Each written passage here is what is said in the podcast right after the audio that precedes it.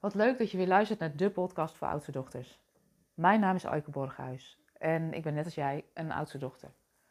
En in deze podcast wil ik het graag met je hebben over stoppen met alcohol. Stoppen met alcohol, waarom is dat nou een onderwerp waar ik mijn podcast aan wijd? Um, nou, dat heeft ermee te maken met een keuze die ik zelf een aantal jaar geleden heb gemaakt. Wat ik om me heen vaak zie is oudste dochters zijn harde werkers. Um, ze werken veel, ze uh, dragen veel verantwoordelijkheid, zorgen voor alles en iedereen. En pas als alles voor iedereen gedaan is, dan pas gunnen ze zichzelf de tijd om te ontspannen. En wat ik bij mezelf een aantal jaar geleden herkende, is dat ik dat vaak deed met een glas wijn.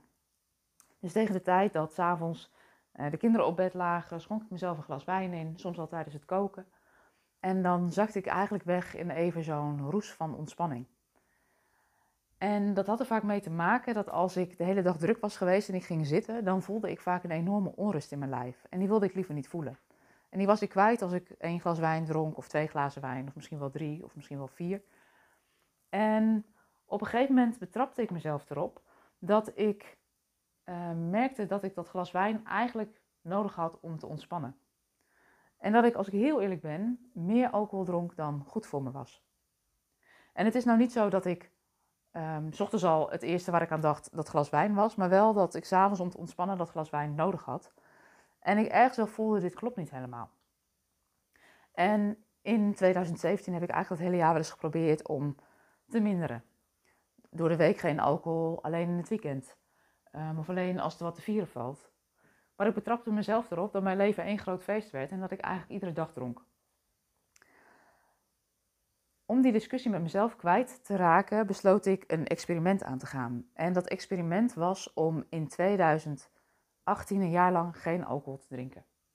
En zo gezegd, zo gedaan. Oud en nieuw 2017 was een knalfeestje, lekker gedronken. Was een leuk feest met vrienden. En um, nou, vanaf 1 januari 2018 besloot ik om een jaar geen alcohol te drinken.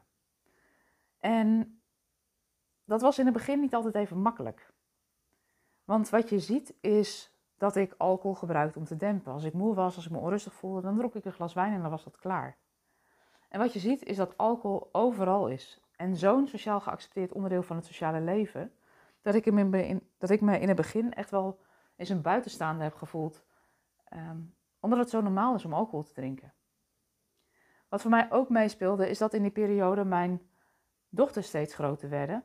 En ik mezelf ook de vraag stelde: wat is het voorbeeld wat ik mijn dochters mee wil geven? Als mijn dochter straks in die tienerleeftijd komt en ik zeg tegen haar, ja weet je, je bent nog geen 18 en je mag geen alcohol drinken. Wat is dan het voorbeeld wat ik zelf geef? Het voorbeeld wat ik niet wilde geven is dat ik alcohol nodig had om te ontspannen. Dus dat was voor mij ook een reden om het besluit te nemen om gewoon een jaar geen alcohol te drinken. Wat er ook gebeurde in dat jaar is dat ik ineens alles ging voelen.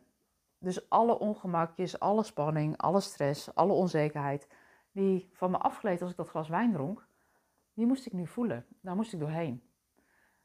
Het is voor mij dus ook echt een jaar geweest waarin ik mezelf steeds beter heb leren kennen en gezonde manieren heb moeten aanleren om te dealen met spanning of te dealen met stress. In het begin heeft dat best wel eens onrust, pijn en verdriet opgeleverd. Want als je het niet meer dempt, ga je alles voelen en dat is niet altijd leuk en makkelijk. We zijn nu een paar jaar verder, want na dit jaar heb ik eigenlijk besloten om ja, te blijven stoppen met alcohol. Want wat het me opleverde is dat ik, is dat ik iedere ochtend fris opstond. Ik had iedere dag weer zin in de dag. Waar het nog wel eens gebeurde als ik wijn had gedronken de avond van tevoren, dat ik ochtends minder helder was. Dat hele gevoel was ik kwijt. Ik sta iedere ochtend op met energie en met zin in de dag. Wat het me ook opleverde is dat ik s'avonds weer lekker boeken kon lezen. Wat ik eerder merkte, of waar ik mezelf op betrapte, is als ik een paar glazen wijn had gehad, vaak als ik twee glazen wijn had gehad, dan lukte het lezen eigenlijk niet meer. Dus wat er vervolgens ook gebeurde, is dat ik heel veel tijd kreeg ineens. Tijd om boeken te lezen, tijd om dingen te schrijven, tijd om dingen te creëren. Um, om eens een Netflix-serie te kijken, lekker in bad te gaan. Dus ik kreeg veel meer vrije tijd terug. Wat het me ook op heeft geleverd is dat ik s'avonds altijd nog een kind kan wegbrengen of op kan halen. Ik hoef me nooit zorgen te maken als mijn dochter met vrienden afspreekt. Van hé, hey, als er wat is, uh, kom ze dan wel veilig thuis, want ik weet dat ik haar altijd op kan halen.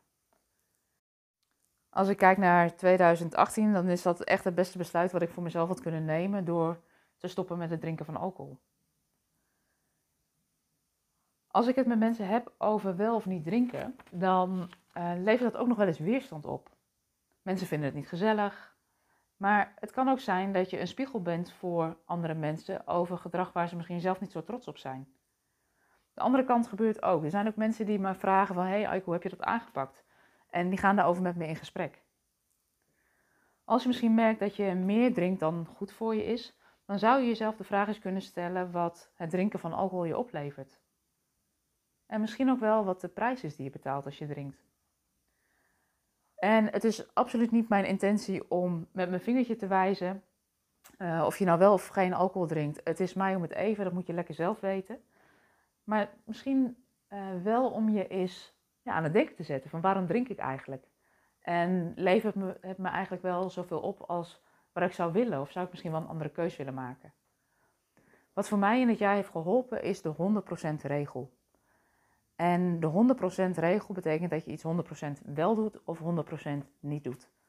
En voor mij heeft het echt het verschil gemaakt om te zeggen de 100% regel van geen alcohol in 2018. Dat heeft bij mij echt een cyclus doorbroken. Ik hoefde niet zoveel um, innerlijke discussies meer met mezelf te voeren over vandaag wel, vandaag niet. Het was gewoon heel duidelijk, dit jaar gewoon niet. En dat heeft voor mij een stuk makkelijker gemaakt. Dus welke keuze je ook maakt, welk voornemen je ook maakt, um, ja, kijk eens of die 100% regel voor je zou kunnen werken. Ik merk dat ik ieder jaar wel even stilsta in deze periode van hé, hey, wat zijn de dingen die me nog dienen en wat zijn de dingen uh, die me niet meer dienen. En je hoeft natuurlijk niet te wachten tot 1 januari, dat kun je eigenlijk het hele jaar door uh, beslissen. En daarbij zijn we alweer aan het eind gekomen van deze podcast, waarin we het hebben gehad over het stoppen met het drinken van alcohol. Um, ik ben benieuwd of dit iets bij je oproept. Mocht je daar vragen over hebben, mocht je iets van me willen weten, stuur me gerust een berichtje at info.oudstedochter.com en dan denk ik graag even met je mee. Mocht je sowieso vragen hebben of thema's hebben waarvan je het leuk vindt dat ik ze behandel in de podcast, ja, laat het me weten. Want hoe meer uh, vragen ik van jullie krijg, hoe waardevoller ik de podcast kan maken. Dus daar help je me mee. Mocht je deze podcast nou interessant vinden, abonneer je dan. Uh, je krijgt dan een berichtje als er weer een nieuwe aflevering online staat. En um, verder wens ik je vandaag een hele fijne dag.